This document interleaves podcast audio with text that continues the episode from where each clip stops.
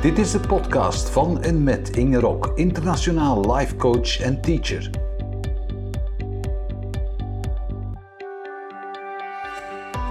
In deze podcast willen we jou inspireren om je echte potentieel te leven en echt vooruit te gaan. Ben jij klaar voor verandering en ontdekking? Welkom. De wereld heeft nood aan betere educatie. Dat is de titel van deze podcast. En misschien fronst je nu je wenkbrauw en je zegt, echt? Ja, en dat is in vele facetten zo. En dat is ook de reden waarom ik deze titel heb gekozen. Om het vak educatie, wat toch wel heel breed is, even toe te lichten. En de nood te schetsen van waar we onze aandacht moeten aan geven.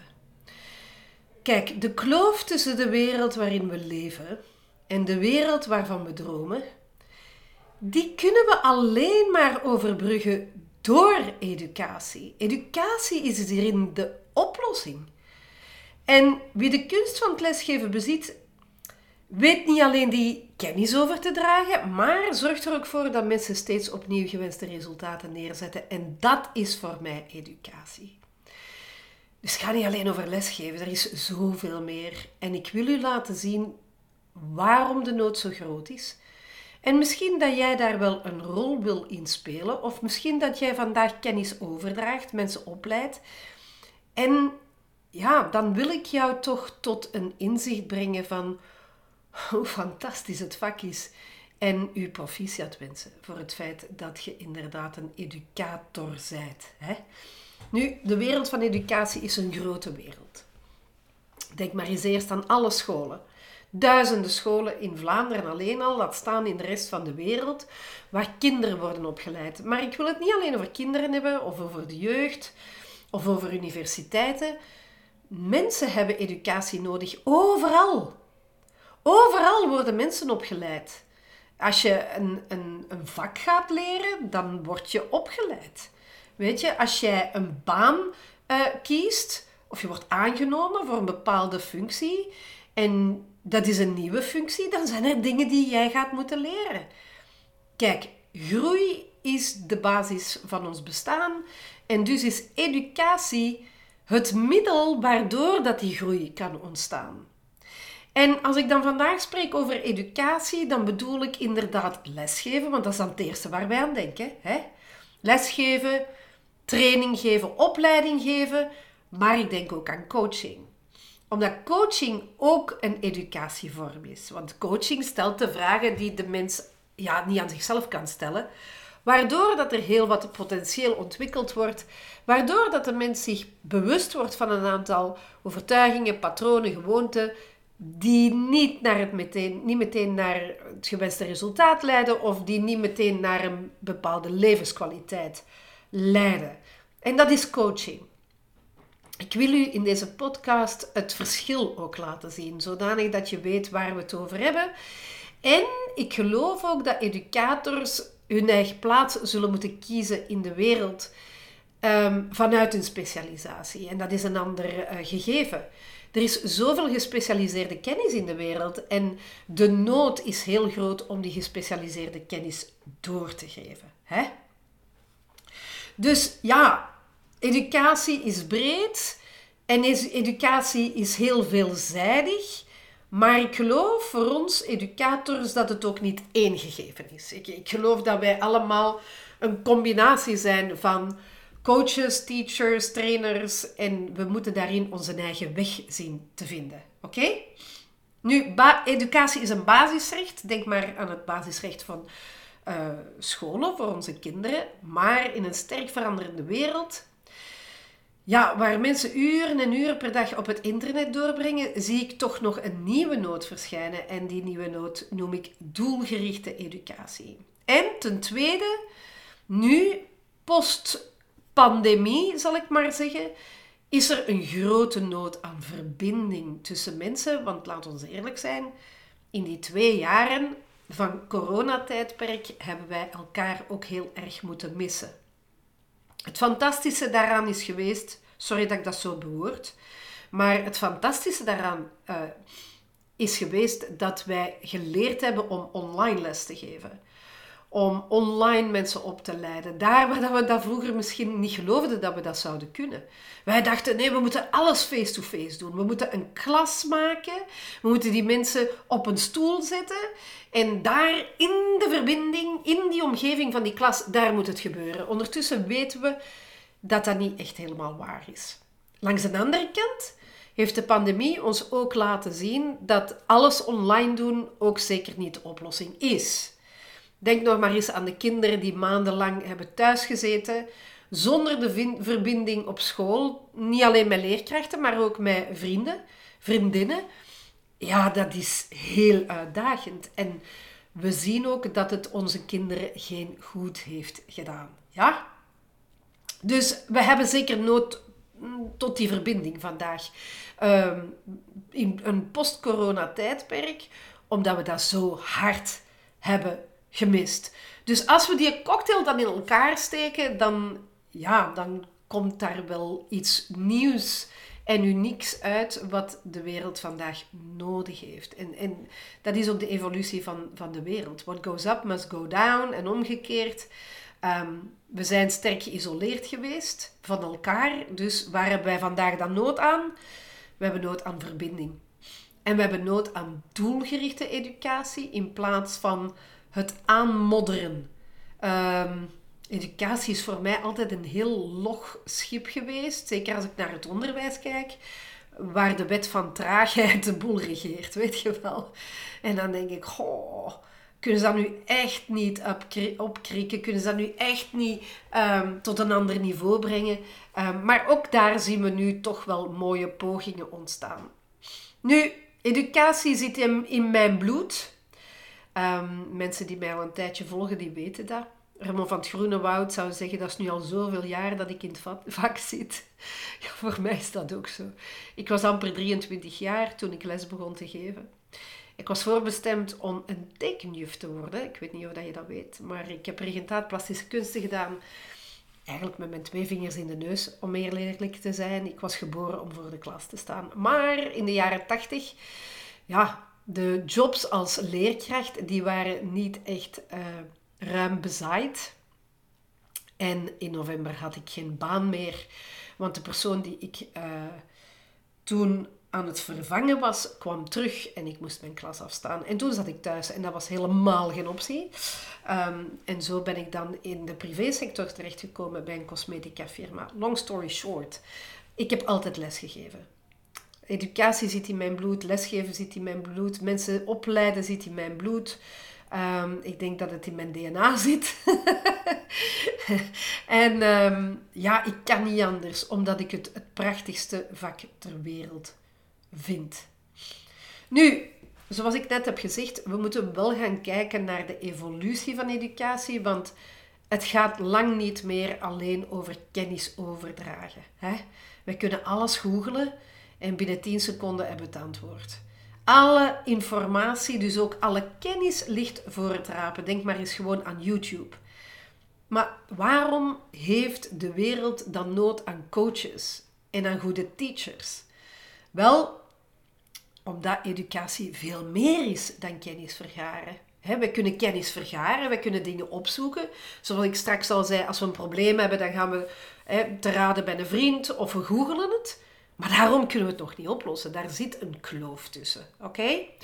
Als we gaan kijken naar het woord educatie, dan moeten we naar Latijn. En dan komen we bij het woordje educare of educere. En dat betekent letterlijk wegdrijven. En nu denkt je, wat heeft dat ermee te maken? Wel, de essentie van dat woord is wegdrijven vanuit de onwetendheid. De onwetendheid wegdrijven. Eigenlijk is dat heel mooi beschreven. Hè? Of het uitdrijven van het talent dat de persoon reeds bezit. Mooi hè? Dat is de echte betekenis van educatie. Dus educatie is alles behalve er van alles in stoppen. Laten we er heel veel in stoppen. Ja, kennis, kennis, kennis, kennis, kennis en er vervolgens niks mee doen. Dat is een hele oude vorm van educatie. Ehm, en ik heb dat zelf nog meegemaakt. Ik heb één jaar universiteit gedaan. En ik herinner mij dat ik de meeste van de tijd toch wel dacht: wat een gigantische tijdverspilling. Want professoren zouden vooraan staan in de aula en gewoon hun syllabus aflezen. En wij hadden dus ook al na een paar weken door dat er lessen waren die we dus beter niet konden gaan volgen en gewoon op café konden gaan zitten. dat was misschien ook niet de juiste oplossing, maar in ieder geval in die les gaan zitten, dat was toch zo ongelooflijk zinloos, omdat dat, ja, er werd een boek afgelezen en dat is alles behalve educatie. Hè? dus educatie betekent mensen kennis geven, jawel, want dat hebben ze nodig. Hè? Niet omdat ze dom zijn, maar wel omdat ze onwetend zijn. Wij weten heel veel niet. Dus gaan wij hongerig op zoek naar kennis, omdat wij ook weten intuïtief vanuit het diepste van ons ziel dat kennis ons vooruit gaat helpen. Als we iets kennen, ja, dan kunnen we ook meer. Oké? Dus educatie betekent mensen kennis geven, maar, en dat is wel een heel grote maar, die ook kunnen omzetten in methoden om hun talent mee te ontwikkelen. Is dat geen prachtige stelling? Toch? Dus ehm, ja, het vak van educator of teacher is inderdaad toch wel een vak apart. Omdat het natuurlijk veel meer vergt dan alleen maar kennis. Hè? De onderwijswereld, zoals ik die gekend heb in mijn kinderjaren of in mijn jeugdjaren, die is nagenoeg dood. Hè. Um, universiteiten zitten gigantisch vastgeroest in het verleden. Diploma's en onderscheidingen, die hebben geen werkgarantie niet meer. Je kunt dat wel inkaderen en aan de muur hangen. Maar ja, er is absoluut geen garantie meer. Toen ik uitkwam, behalve dan mijn vak, plastische opvoeding, schafte ze overal af. Want het ASO reageerde nog en uh, regeerde nog, beter gezegd. En ja, plastische kunsten, muziek en, en um, LO, hè, lichamelijke opvoeding. Dat ging er gewoon aan. Maar langs de andere kant had jij een diploma en uh, je kwam van de universiteit of je kwam vanuit de hogeschool en je had werk. Zo simpel was dat. Dus dat was een, een diploma halen was gewoon een heel verstandig iets. Vandaag is dat veel minder. Vandaag is het veel verstandiger om heel doelgericht bepaalde opleidingen te gaan volgen en u inderdaad te specialiseren in plaats van een allround opleiding te gaan volgen. En weten dat je toch je werk gaat hebben. Dat is toch wel de hele vreemde wereld. Hè? Dus waar zit educatie vandaag dan vast? Hoe komt het dat die oude onderwijssystemen het niet meer doen? En kinderen zich afvragen, zeg, waarom moeten wij dat leren? Wat gaan we daar ooit nog mee doen? En een beetje terecht. En pas op, Begrijp mij niet verkeerd, dat wil niet zeggen dat onze kinderen geen algemene vorming nodig hebben. Hè? Absoluut wel, ze moeten weten in welke wereld ze leven. Maar ja, er wordt zoveel onderwezen dat eigenlijk absoluut niet praktisch is. Dus we zitten met een gigantische kantelbeweging. Hè? Dus waar zit educatie vandaag vast? Heel simpel, in toepassing. In toepassing. En als we dan kijken naar technische richtingen of beroepsrichtingen, dan wordt er veel meer met toepassing gedaan. En ik moet zeggen dat die mensen ook wel opgeleid worden om daar ook iets mee te doen. En dat vind ik toch wel heel knap. En daar moeten we vooral naar gaan kijken. Het is niet omdat je kennis veranderd hebt op het internet, dat je daar ook iets mee doet. Hè? Het is niet omdat je een oplossing voor een probleem googelt, dat je het probleem ook kunt oplossen. Ja? Dus hier moeten wij de prestatiekloof zien te overbruggen dankzij educatie. En ik geloof dat dat tweeledig is. Enerzijds gaat het inderdaad over die kennisoverdracht en die kennis zo funky, sexy, tof, plezant, uh, uitnodigend maken dat die student of eventueel een medewerker, hè, ik ga voor de gemakkelijkheid student nemen, omdat we het over educatie hebben. En als uw medewerker iets moet leren, dan is dat op dat moment ook een student. Dus de bedoeling is dat die student daar wel iets mee wil en iets mee kan in plaats van iets mee moet. Ja, dat is dus uh, een heel groot verschil. Ja? Educatie zit vast in toepassing. Er is veel kennis voorhanden, maar mensen kunnen daar niet direct iets mee. Als ik kijk naar mijn eigen vak, pah, de wereld van persoonlijke groei is zodanig gegroeid dat je nu miljoenen video's kunt vinden op het internet en toch doen mensen daar niet te veel mee. Dat is mijn conclusie. Dus daar is een gigantische hiaat. Enerzijds kunnen wij die hiaat of die prestatiekloof overbruggen door inderdaad kennis over te dragen. Ik heb, ik heb even een cirkeltje gemaakt, merk ik nu, door kennis over te dragen. En door de student aan de slag te laten gaan met die kennis, extreem belangrijk. Toepassing is hier een sleutelwoord.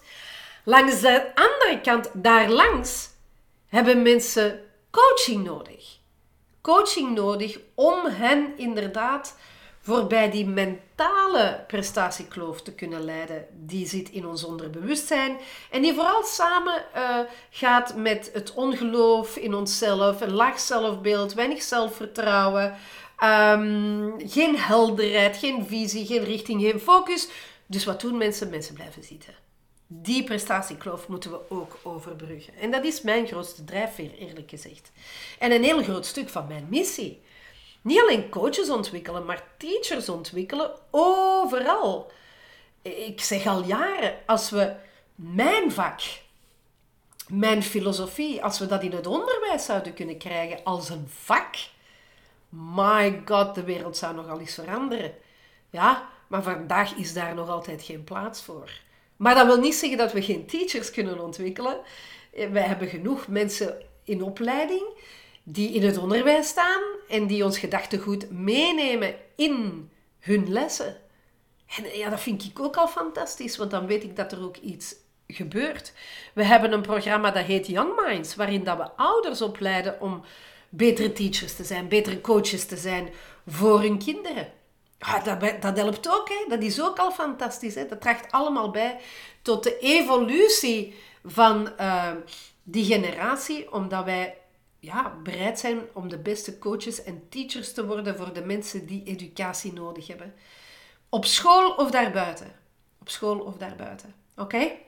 Nu, kennis heeft mij zeker ook niet tot een goede teacher gemaakt. Wat mij vooral tot een goede teacher heeft gemaakt, is 30, 33 jaar ervaring. Ik kan dat niet anders zeggen. En tonnen research, zoals ik nu vertel op deze podcast. Ik ben gaan zoeken. Wat heeft de wereld vandaag nodig? Waar zitten we nu?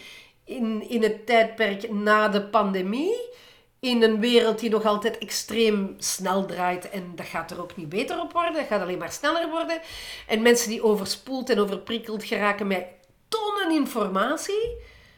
Ja, hoe gaan wij het landschap van opvoeding, coaching, educatie, lesgeven naar een volgend niveau tillen zodanig dat iedereen daar beter van wordt. Zowel de leerkracht, zal ik maar zeggen, de educator, als de leerling, als de student, als de cliënt. Ik ga eerlijk zijn, mijn leraaropleiding heeft mij niet tot een goede leraar gemaakt. Ik heb dat gedaan. Ik heb dat echt zelf gedaan. Ik herinner mij eerlijk gezegd in mijn opleiding dat ik niet te veel gezien heb over lesgeven. Ik heb vooral pedagogie geleerd, wat opvoedkunde is, maar dat maakt mij niet tot een goede teacher. Hè?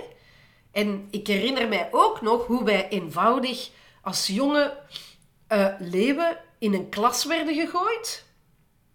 We moesten maar zien ja, dat we tussen die, die, die mannetjes eh, wisten te overleven. En ik weet ook hoe, dat, hoe uitdagend dat was. Ik herinner mij, op een bepaald moment was ik les aan het geven en ik had zo'n bende, ze waren mij 28 en die waren uitgeladen, want het was vrijdag namiddag.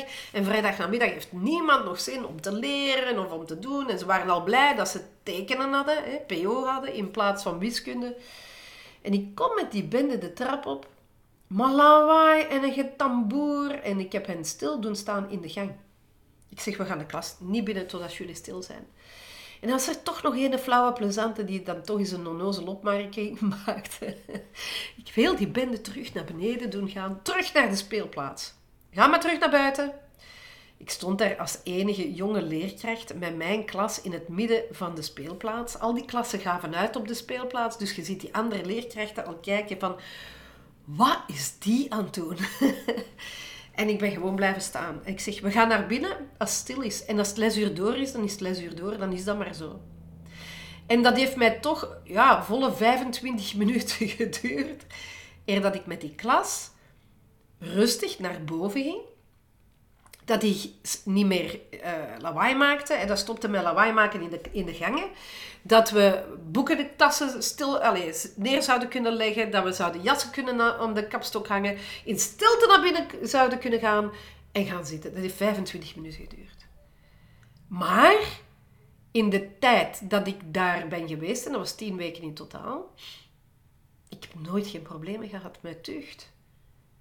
Ik, ik heb direct geweten van, ja, maar dit is hier, dit is mijn kader. Ik bepaal hoe dat mijn klas er gaat uitzien. En ik herinner mij dat mijn collega student, hè, want wij studeerden nog, uh, aan de overkant van de gang ook een klas had en dat ze daar met de propjes stonden te zwieren en te, te schieten en te gooien en, en dat het allemaal fout ging.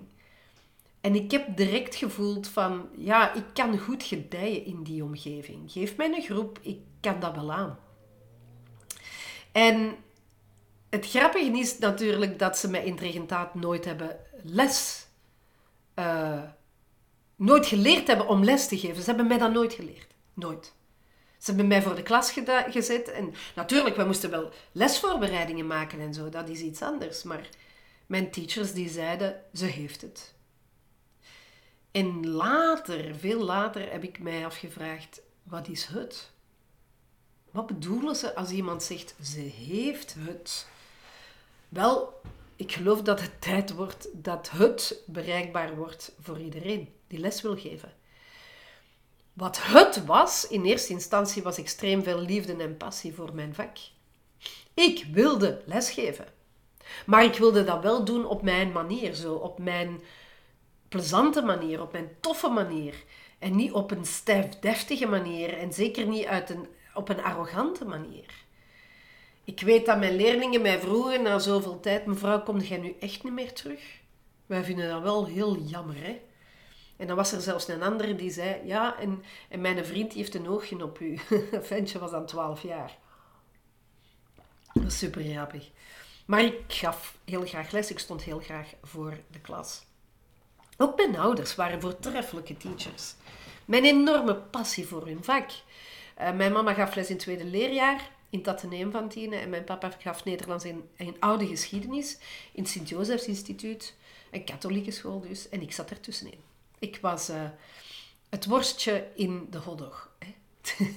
was niet evident. was niet evident om te weten te komen wat ik wilde. Ik, ik zwalpte tussen psychologie, wat ik sowieso niet mocht studeren van ons moeder. Ik heb een jaar Egyptologie gestudeerd. Ik wilde modeontwerp gaan studeren. En uiteindelijk ben ik in het regentaat plastische kunst terechtgekomen en ik ben dus inderdaad een tekenjuf geworden. Maar overal zit wel een stuk in mij zo, weet je? Um, nu, ik ben nooit dus echt in het onderwijs terechtgekomen, tot groot jolijt van mijn ouders. Want mijn moeder zei altijd, please, blijf uit het onderwijs. En de reden waarom dat ze dat zei, was, ja, die mensen weten hoeveel ze gaan verdienen tot het einde van hun carrière, maar je gaat geen promotie kunnen maken. Vandaag weet ik dat die promotie maken, dat dat, dat allemaal niet is en dat dat allemaal niet zo belangrijk is. Het allerbelangrijkste is dat we kunnen lesgeven of coachen met hart en ziel. Ik denk dat dat het allerbelangrijkste is. Ja? Ik heb heel mijn leven les gegeven. Toen ik op school geen plaats meer had en ik bij Lancaster Groep terecht kwam als vertegenwoordigster, begon ik les te geven aan schoonheidsspecialisten en parfumerieverkoopsters. Ik heb dan later een parfumerie overgenomen. Dan begon ik les te geven aan mijn klanten. Ik kon dat toch niet laten. Dat is liefde, dat is passie, dat is groter dan mezelf, dat is mijn leven. Een keer als de tsunami is voorgevallen in mijn leven, ben ik bij coaching terechtgekomen, wat natuurlijk naast lesgeven ligt. Het gaat weer over het werken met dat potentieel van mensen, wat ik echt, echt super tof vind. En vandaag wil ik alleen maar ja, dat talent doorgeven aan mensen die zelf een heel goede coach en een heel goede teacher willen worden. Ja? En misschien denk je, ja, maar is dat wel iets voor mij? En, want ik sta uh, ergens in een bedrijf of in een team of in een productieafdeling. Wel, ik denk het enige wat je moet afvragen is, leef ik in een omgeving waar mensen moeten opgeleid worden? Waar mensen moeten begeleid worden of waar mensen gecoacht moeten worden? En als het antwoord ja is, wel super, dan zijn wij collega's. En dat vind ik fantastisch tof. Ja? Als je zegt, nee, nee, dat is helemaal niks voor mij, dan goed, dan is, dan, dan is educatie niet uw vak. Ehm, maar die doelgerichte educatie en verbinding, waarvoor coaching natuurlijk ook extreem nodig is. Ja, dat zien wij nu overal. En heel vaak horen we nog altijd van, oh, er zijn veel te veel life coaches en er komen nog altijd life coaches bij. Ja, en nu weten we ook waarom. We weten ook dat doelgerichte coaching, educatie nodig is om mensen tot een bepaald punt te brengen. Kijk, elke sportman heeft een coach. En daar is dat normaal. Want, ah ja, die moet een bepaalde prestatie neerzetten, die moet komen tot een bepaalde... Um, een bepaald resultaat. Dus is het normaal dat je iemand naast je hebt die, dat, die u naar dat resultaat brengt. Wel, die norm gaan we nu overal zien. Overal. Een van onze teammembers in het certificatieprogramma is een uh, vroedvrouw van opleiding. Heeft altijd op de afdeling met pasgeboren kindjes gewerkt in een ziekenhuis. En heeft vandaag de allereerste functie als coach voor ouders van premature baby's. Die, dat is een job die niet bestond. Hè. Um, Cindy Paulussen, je kunt dat gaan opzoeken, die werkt in Hasselt, in het ziekenhuis. En zij heeft die job voor zichzelf gecreëerd, omdat ze de nood ziet. Die ouders die krijgen een premature baby, zijn compleet ontredderd, weten niet wat ze daarmee moeten doen, hebben honderdduizend vragen. Los van de medische educatie, zijnde de kennis die de artsen geven aan de ouders over hoe het gesteld is met hun kind, en misschien een sociale assistente, is daar geen opvang. Daar is geen opvang. Cindy is de eerste naked coach in België die inderdaad ouders van premature baby's coacht naar, de over in de, of naar of in de overbruggingsperiode tussen de geboorte van dat kind, wat al sowieso een ingrijpende fysieke verandering is voor de moeder, dan heel die fase van onwetendheid en ongerustheid, zal ik maar zeggen, en dan de voorbereiding naar huis gaan en dan verder leven. Dat is haar vak. Dus die coacht maar die geeft ook les aan die mensen, want die mensen moeten heel veel leren. Want die komen in, in een levensfase terecht waar ze nooit eerder zijn geweest, meestal toch niet. En ja, dat is een hele beangstigende fase. Ehm, een andere coach bij ons die heeft een, uh, uh, een educatiekern, zal ik maar zeggen, opgericht binnen een groot bedrijf.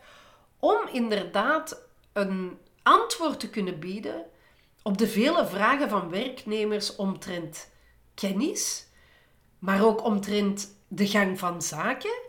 En vooral een aanspreekpunt zijn voor wanneer mensen zich niet goed voelen in hun vel, er een, misschien een burn-out achter de hoek begint te loeren.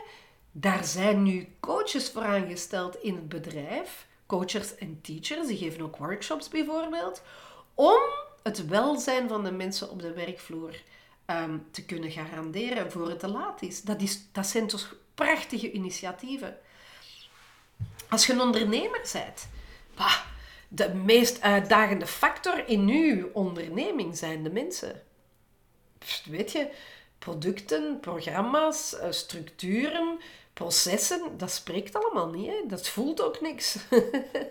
de mens ademt, denkt en voelt van alles. En het meest uitdagende in een onderneming of in een bedrijf zijn de mensen. Dus zijt je een ondernemer, dan moet je een coach worden en je moet inderdaad een lesgever worden, want je hebt ook heel veel kennis door te geven. Dus het is een hele cocktail, ziet je? Het is een hele cocktail. En natuurlijk is dat wel prachtig, want de nood um, zorgt ervoor dat we ook antwoord kunnen bieden op die nood. Hè? Mensen willen leren.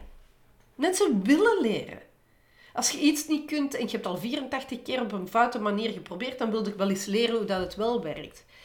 Trouwens, door het gebrek aan educatie en coaching in heel veel omgevingen wordt er ook heel veel tijd en geld verspild. Want mensen moeten het allemaal maar zelf trial and error uh, uitvlooien. En dat is lastig, hè? Dus weet, mensen willen leren.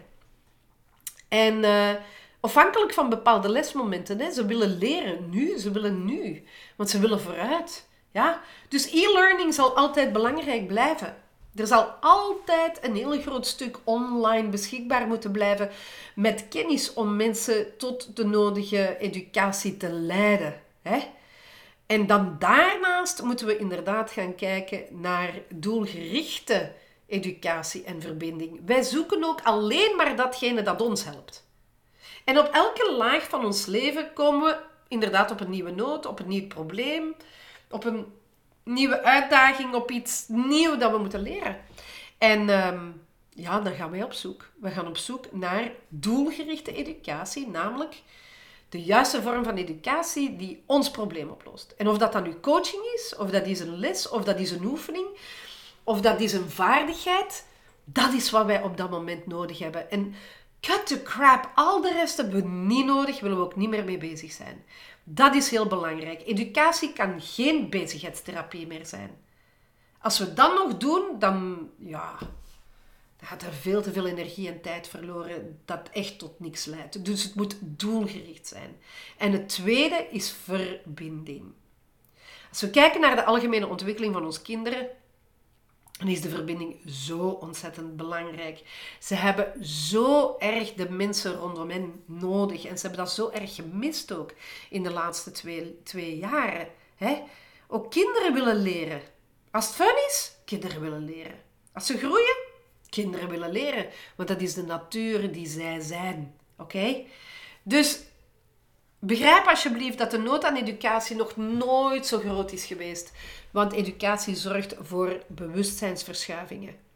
En bewustzijnsverschuivingen zorgen voor nieuwe handelingen. En nieuwe handelingen zorgen voor nieuwe, uh, voor nieuwe resultaten, beter gezegd. Oké? Langs de andere kant moeten we ook toegeven dat er heel veel experten in de wereld zijn die meesterlijke kennis hebben. Als je zoiets over het internet scrolt, Instagram, Facebook, mm, dan zien we dat er heel veel mensen zijn die een expert zijn, maar echt. Ze hebben zoveel fantastische kennis. En ik sta daar altijd met bewondering naar te kijken. De Gordon Ramsay bijvoorbeeld is een fantastische meesterchef. Beyoncé is een geweldige zangeres. Garry Kasparov is world-class uh, chessmaster, schaakmeester. Maar wat ik mij dan altijd afvraag, als ik zo die meesters aan het werk zie, is kunnen die dat ook doorgeven? Kunnen die ook lesgeven? Kunnen die dat ook aan een ander leren? Nu, van Gordon Ramsay weet ik dat dat het geval is, want ik denk dat ik alles gezien heb op tv wat die mens ooit gemaakt heeft. Maar een kat en kat noemen, we moeten toch wel toegeven dat er heel wat meer nodig is om een goede lesgever te zijn. Hè? Maar het vertrekt wel altijd vanuit uw expertise. Daar vertrekken we altijd uit. We gaan kijken naar waar ben jij heel goed in? Wat zijn de dingen die jij moeiteloos doet waar een ander gigantisch veel moeite mee heeft? Dat is expertise. Hè? We hebben door de jaren heen heel veel dingen geleerd. En ehm, ja, het is belangrijk dat je je bewust wordt van jouw gespecialiseerde kennis. Absoluut wel. Um, als ik naar mijn coachingstudenten kijk en ik zie hoe ik hen de tools kan meegeven en ook de methode kan meegeven om een goede coach te worden, om een goede teacher te worden, dan weet ik dat ik mij niet veel ander moet, anders moet bezighouden. Dat is waar mijn kracht ligt. Dat is waar mijn gespecialiseerde kennis tot zijn recht komt. En jij hebt ook zo'n plaats. Je hebt ook zo'n plaats waar dat uw gespecialiseerde kennis tot zijn recht komt en waar dat je het wilt doorgeven, omdat je het niet alleen voor jezelf wilt houden. Eh, voor jezelf houden en denken, oh ja, maar ze gaan mij nadoen. Nee, dat is, dat is te klein denken. Dat is ego denken. Dat is denken dat jij alleen het heilige weten in pacht hebt en dat je dat niet wilt delen met andere mensen. Dat is een beetje kortzichtig. Ik vind dat we zoveel mogelijk kennis moeten delen met de wereld en zoveel mogelijk mensen moeten helpen met kennis te delen in de wereld. Daarop is mijn business gebouwd. En ik weet toen ik begon dat heel veel mensen dachten, maar Inge, jij bent allemaal concurrenten van je eigen aan het maken. En ik dacht, maar nee, dat ziet je verkeerd. Want elke persoon die bij ons in de Academy binnenkomt, die heeft een eigen stem, die heeft een eigen persoonlijkheid, die heeft een eigen verhaal, die heeft een eigen historiek. En die heeft ook een eigen expertise. En mijn talent is om mensen daarmee te verbinden. Ik zie dat ook onmiddellijk. Hè? Ik zie in een gesprek heel snel waar jij naartoe moet en waar, waar jij naartoe kunt. En ja, ik ben heel blij dat ik dat kan. En dat heeft natuurlijk te maken met zoveel ervaring. Dat is heel simpel. Ja? Dus wij willen ook van experten leren. Als er iets is dat ik mezelf heb beloofd toen ik begon als life coach in 2004, dan dacht ik, ja, ik wil alleen van de beste leren van de wereld. Ik wil goed worden. Ik wil echt gewoon, ik wil dit heel goed kunnen. Want ik wil ook dat mijn cliënten of mijn studenten het beste krijgen. Ik ben zo blij dat ik toen die beslissing heb gemaakt. En natuurlijk, dat zet onze opleidingen ook anders op de kaart. Um, een, een twee-sterren Michelin restaurant is ook geen frituur natuurlijk, hè? of geen brasserie. En er is voor, voor iedereen is er plaats in de wereld.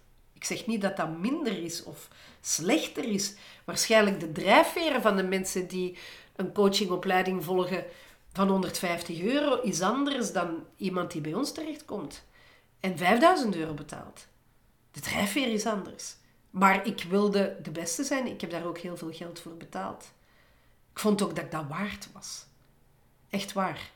Dus de expert willen worden is een extreem belangrijk doel voor u als coach en als leerkracht. Want anders geeft je rommel door. Ah ja, dat is toch waar? Je wilt niet leren van iemand die het niet kent. Ja, trouwens, laat ons eerlijk zijn. Als we zo een les horen van iemand in een video, we voelen toch heel snel of dat, dat een lesje is dat van buiten geleerd is en dat uit de kop wordt afgerammeld. Misschien heb je ooit zo'n pedagogische studiedagen meegemaakt waar dat je mensen een les hoort aframmelen en denkt, echt, echt, moet ik het hiermee doen? Dat is geen educatie. Dat is kennis die terug uitgespuwd wordt. Net zoals heel veel studenten kennis moeten vergaren en het uit moeten spuwen op een examen. Dat is geen educatie. Dat staat niet conform aan het woord educeren, wat wegdrijven uit onwetendheid is. Laat ons eerlijk zijn. Als wij iets moesten van buiten leren en het reproduceren op een examen, dan waren we het in de namiddag al vergeten. Dan, wist, dan wilden we het ook vergeten.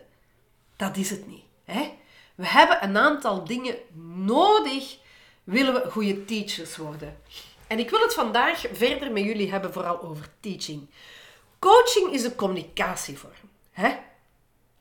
Coaching is een communicatievorm om mensen te leiden naar een bewustzijn dat zegt: ik ga dit doen, ik ga die beslissing nemen, ik ga die kant op met mijn leven. Dat is coaching. En dat is super natuurlijk, dat is extreem waardevol. Ik geloof in de beste cocktail tussen coaching, teaching en training. En ik ga je ook zeggen waarom. Coaching is een communicatievorm en ja, ik ben nog altijd ontzettend blij en ik voel me heel erg rijk dat ik heel goed kan coachen. Ik voel me rijk, want ik kan zoveel uit iemand anders halen. Ja, dat is inderdaad een heel belangrijk gegeven. Maar langs de andere kant, zonder mijn filosofie, mijn methode, mijn tools, ja, kom ik niet ver. Hè? Alleen met mijn coachingmethode kom ik niet ver. Ik heb ook leerstof nodig. Ik heb kennis nodig. Ik heb toepassingen nodig. Ik heb ehm, vaardigheden nodig die ik aan mijn studenten wil aanleren. Oké? Dus de eerste vaardigheid die je als leraar zult moeten bezitten, is hele goed gestructureerde, concrete en eenvoudig begrijpbare content maken. Dat is voor mij het allereerste. Dat is de kennis die je hebt als expert omzetten in leerstof die te begrijpen is door een tienjarige. Dat zou u een drijfveer moeten zijn, net zoals Apple een iPhone kan maken en geen gebruiksaanwijzing moet bijleveren, want een tienjarige kan toch een Apple iPhone um, gebruiken. Wel, dat is ook mijn drijfveer. Ik heb daarin exact dezelfde drijfveer. Ik vind het ontzettend boeiend om ingewikkelde systemen zo simpel mogelijk te maken, zodanig dat iedereen mijn filosofie en mijn methode kan begrijpen. Dus dat is het eerste wat ik aan mensen leer. We hebben een nieuw teacher- en trainerprogramma en het eerste is uw kennis omzetten in leerstof. Uw kennis omzetten in materiaal dat de leerling kan begrijpen, dat de student kan begrijpen. Zelf ga ik vrij veel naar symposia en, en seminaries van hele slimme mensen, wetenschappers, die de wetenschappen bestuderen en waaruit ik heel veel kan distilleren in mijn lessen.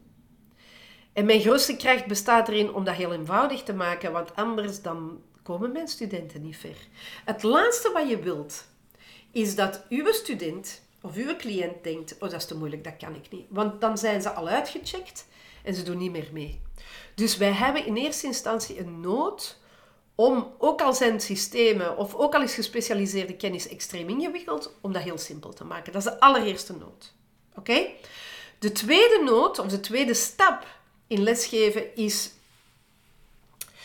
um, het opstellen van een les, het correct opstellen van een les. Een les is geen babbeluurtje.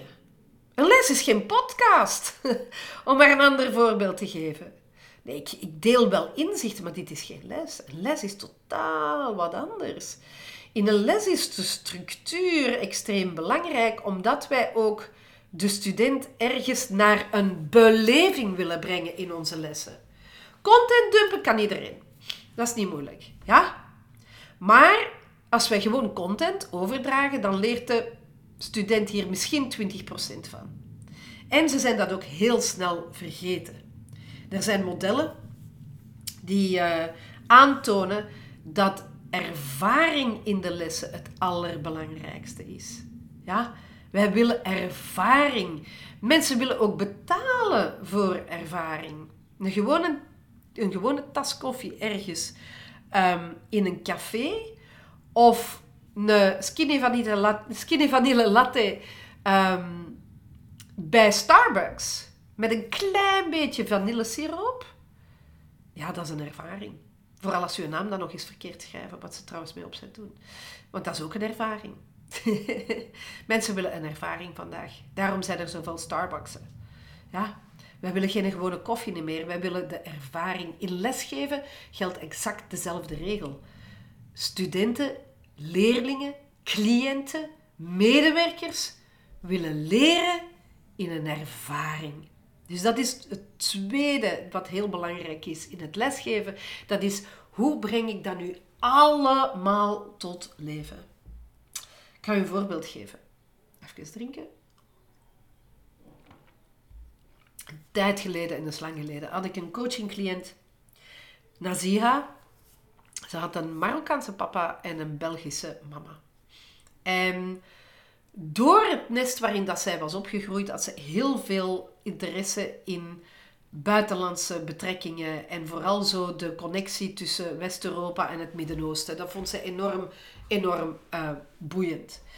Heeft uh, Pol Sok gestudeerd, dus politiek en sociale wetenschappen gestudeerd.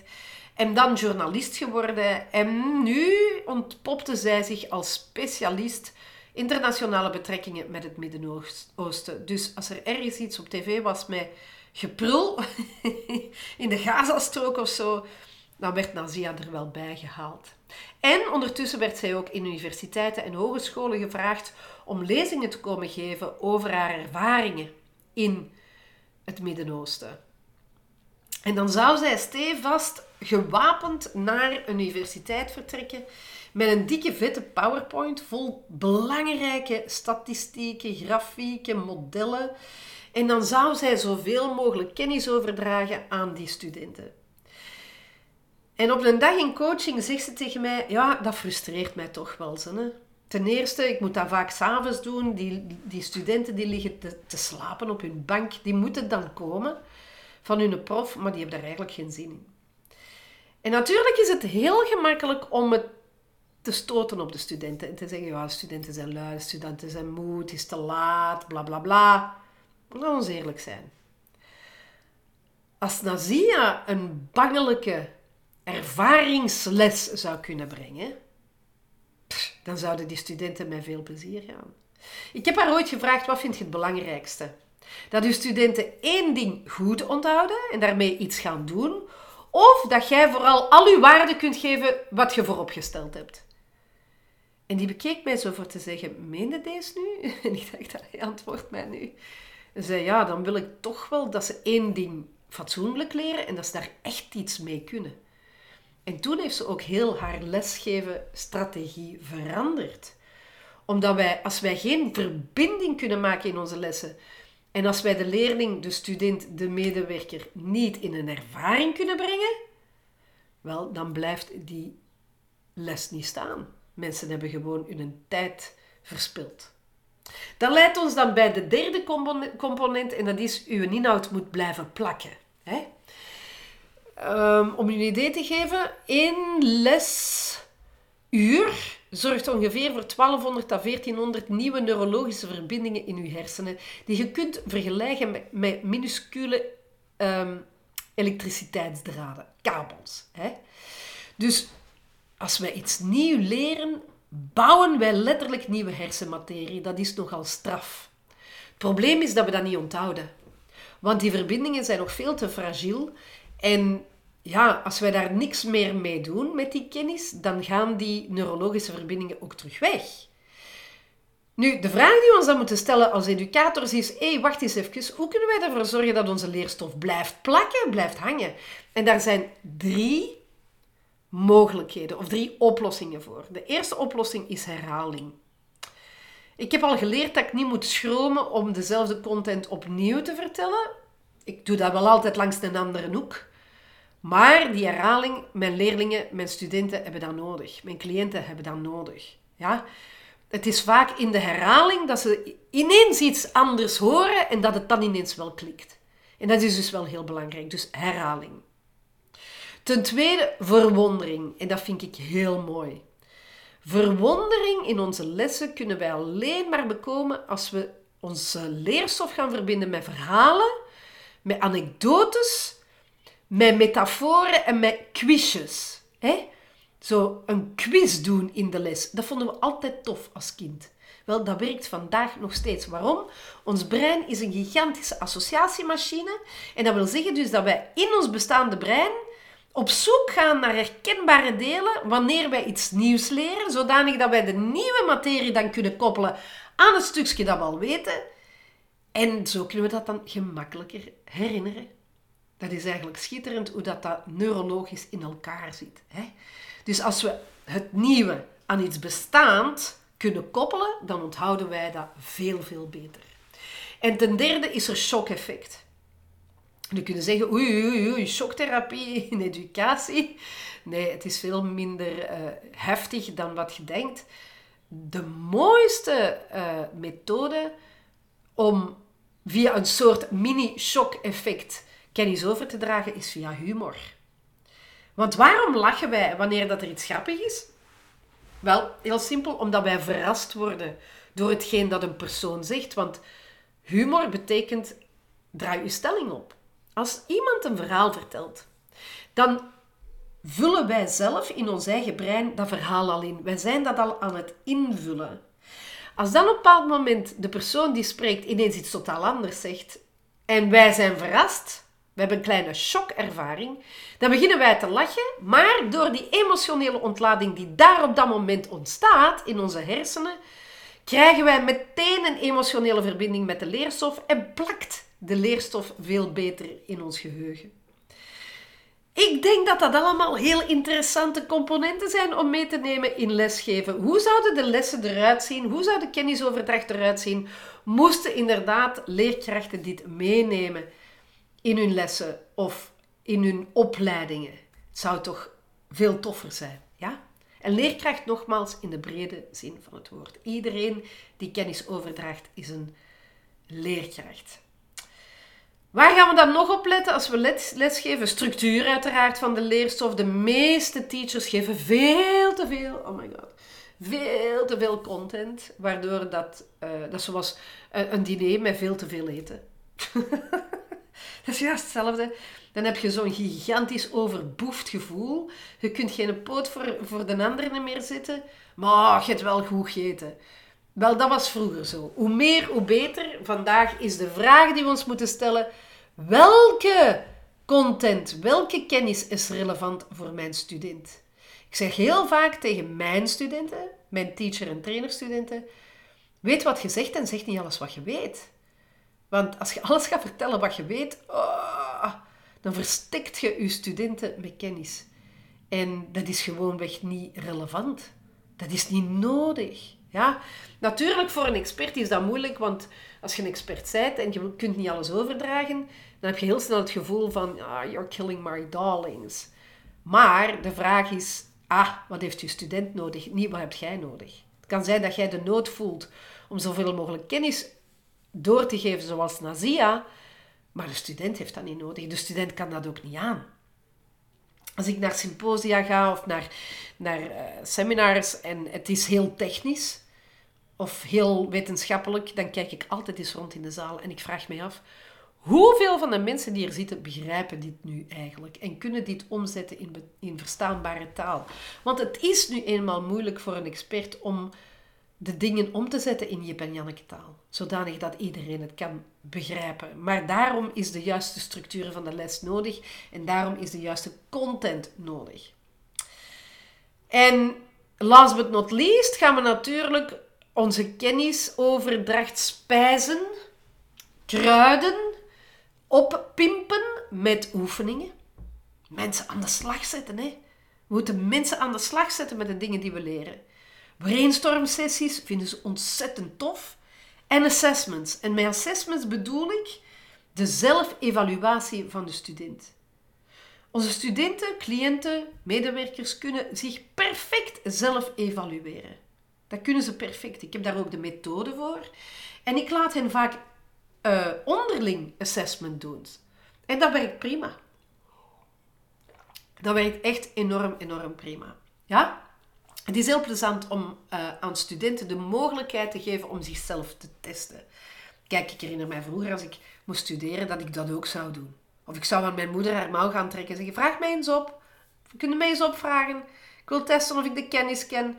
Wel, wij kunnen dat ook integreren in onze kennisoverdracht, in onze lessen, in onze trainingen. En dat is echt extreem belangrijk. Het grote verschil tussen een teacher en een trainer zit in de actie. En dat is het allerlaatste deel. Een teacher zorgt ervoor dat je kennis doorgeeft, dat er verbinding komt met die kennis, dat die kennis tot leven komt, dat die kennis blijft plakken, dat er oefeningen komen, dat er brainstorm sessies komen. Absoluut. De trainer gaat nog een stapje verder en zet de persoon in actie. Letterlijk in de doe-fase. Ja? Toen ik mijn theatervoorstellingen heb gemaakt, had ik een mentor naast mij, een trainer naast mij, die mij zou leiden tot een afgewerkt product, namelijk een one-woman show van 90 minuten klaar om te geven voor publiek. Ja, dat noemen we mentoring of tutoring. En dat gaat letterlijk over training. Ik train de vaardigheden totdat ik ze meester. Ik doe het, ik doe het, ik doe het totdat ik het kan. Zie je? Maar in die fase, als trainer, heb je dan ook weer coaching nodig. Want als iemand een fout maakt, dan kun je wel zeggen, ah dat is fout, doe dat opnieuw. Maar er is een reden waarom dat die fout is gebeurd. En die reden kunnen wij er perfect uithalen dankzij coachingtechniek. Dus het is uh, waanzinnig interessant hoe alle vakken van coach, coach, teacher en trainer in elkaar gedraaid worden. En dat maakt jou dan weer tot een expert. En dat vind ik zo mooi. Dat maakt jou tot een expert teacher of een expert trainer of een expert coach. In mijn coachingopleidingen moeten onze coaches ook kleine inzichten kunnen delen, kleine lessen kunnen delen. Dat is absoluut noodzakelijk. Oké? Dus ik wilde nu vooral uh, de begrippen naast elkaar zetten. En ik hoop dat je dankzij deze podcast ook een veel ruimer begrip hebt gekregen van hoe educatie zijn weg kan vinden in een nieuwe wereld. Wat ik tot slot nog wil zeggen is, de beleving zal alles bepalend zijn. Want zoals ik gezegd heb, je kunt alles googelen. Tik een vraag in en Mr. Google zal u het antwoord geven binnen 10 seconden. En dan moeten we misschien nog een paar bladzijden lezen, hè, pagina's lezen op het internet, maar we zullen het antwoord wel vinden. Dat is te kort qua educatie. Content dump is geen educatie. Als je echt extreem veel voldoening wilt hebben in je vak, als coach, als teacher, als trainer, als educator, dan heb je de juiste cocktail nodig. Want jij wilt dat je studenten slagen. Je wilt je studenten vooruit zien gaan. Als ik kijk naar onze Circle of Mind Experts, wat het hoogste level is in onze educatie, en waar ik mijn studenten heel kort bij mezelf hou, dan is mijn grootste plezier hun succes. Want ik ga mee totdat ze het kunnen. Zij leggen daarvoor ook een examen af en dat examen is ook de kers op de taart. Dat laat ook zien dat ze de vaardigheden gemeesterd hebben door de maanden heen om inderdaad die expertcoach te zijn. Om die mind-expert te zijn. Om die uh, stories te kunnen delen. Of nu dus ook om de expert-teacher te kunnen worden. En dat vind ik ontzettend mooi. Je ziet ook de voldoening en je ziet het zelfvertrouwen van die mensen groeien wanneer zij het resultaat neerzetten. Ja, en dat vind ik, ik vind dat een godsgeschenk. Ik vind dat het allermooiste wat wij kunnen geven aan onze medewerkers. Als je een ondernemer bent en je ziet jouw medewerker slagen en je ziet dat hij het goed doet, dat is, al, dat is alles wat jij wil. Jij wil dat die persoon slaagt. Net zoals wij als teachers willen dat onze studenten slagen. En slagen voor mij betekent dat zij de vaardigheden gemeesterd hebben. Dat zij het kunnen en als ze het één keer kunnen, dan zullen ze het ook altijd kunnen. Net zoals mijn studenten, als ze eens kunnen coachen en als ze eens kunnen lesgeven, dan zullen ze het ook altijd kunnen. In om teven welke setting. En dat heeft mij gebracht tot 33 jaar ervaring in heel veel verschillende kaders, maar het was wel steeds educatie. Dus ik hoop dat ik vandaag heb mogen pleiten voor educatie. En als je het in je buik voelt branden en je denkt, Inge, je bent precies tegen mij bezig, neem contact met ons op. Ga naar ingerok.com, neem contact met ons op, klik die chatbox aan en laat ons gewoon eens kijken wat voor educator jij bent. Want ook jij bent een unieke cocktail van coaching en teaching en training en misschien public speaking en workshops en retreats. En ja, wij zien dat onze coaches vaak een veel groter verlangen hebben dan alleen maar coaching. En dat is ook wie ik ben. En ik geloof ook dat ik aantrek wie ik ben. Dus als dit met jou resoneert en je hebt zoiets van, ja, wauw, mooiste vak ter wereld, bring it on. Neem contact met ons op en wij willen heel graag helpen om ten eerste en vooral een keer te luisteren en eens te gaan kijken van, wat is uw cocktail nu precies? Hè? Is dat een straffe cocktail? Is dat een korte cocktail? Is dat een, een Bloody Mary? Is dat een Russian ballet? Wat, wat is dat voor iets? Jij hebt uw unieke cocktail, omdat je cocktail uw educatiecocktail wordt gemaakt als verlengstuk van wie jij bent als mens. Uw persoonlijkheid, uw kennis, uw ervaring, uw stijl, weet je, en vooral uw hartsverlangen. En ik hoop dat ik jou daarmee vandaag heb kunnen verbinden. Ik kijk er naar uit om jou te mogen ontmoeten op een van mijn volgende podcasts. En wie weet, tot ziens in onze Academy. Bye bye.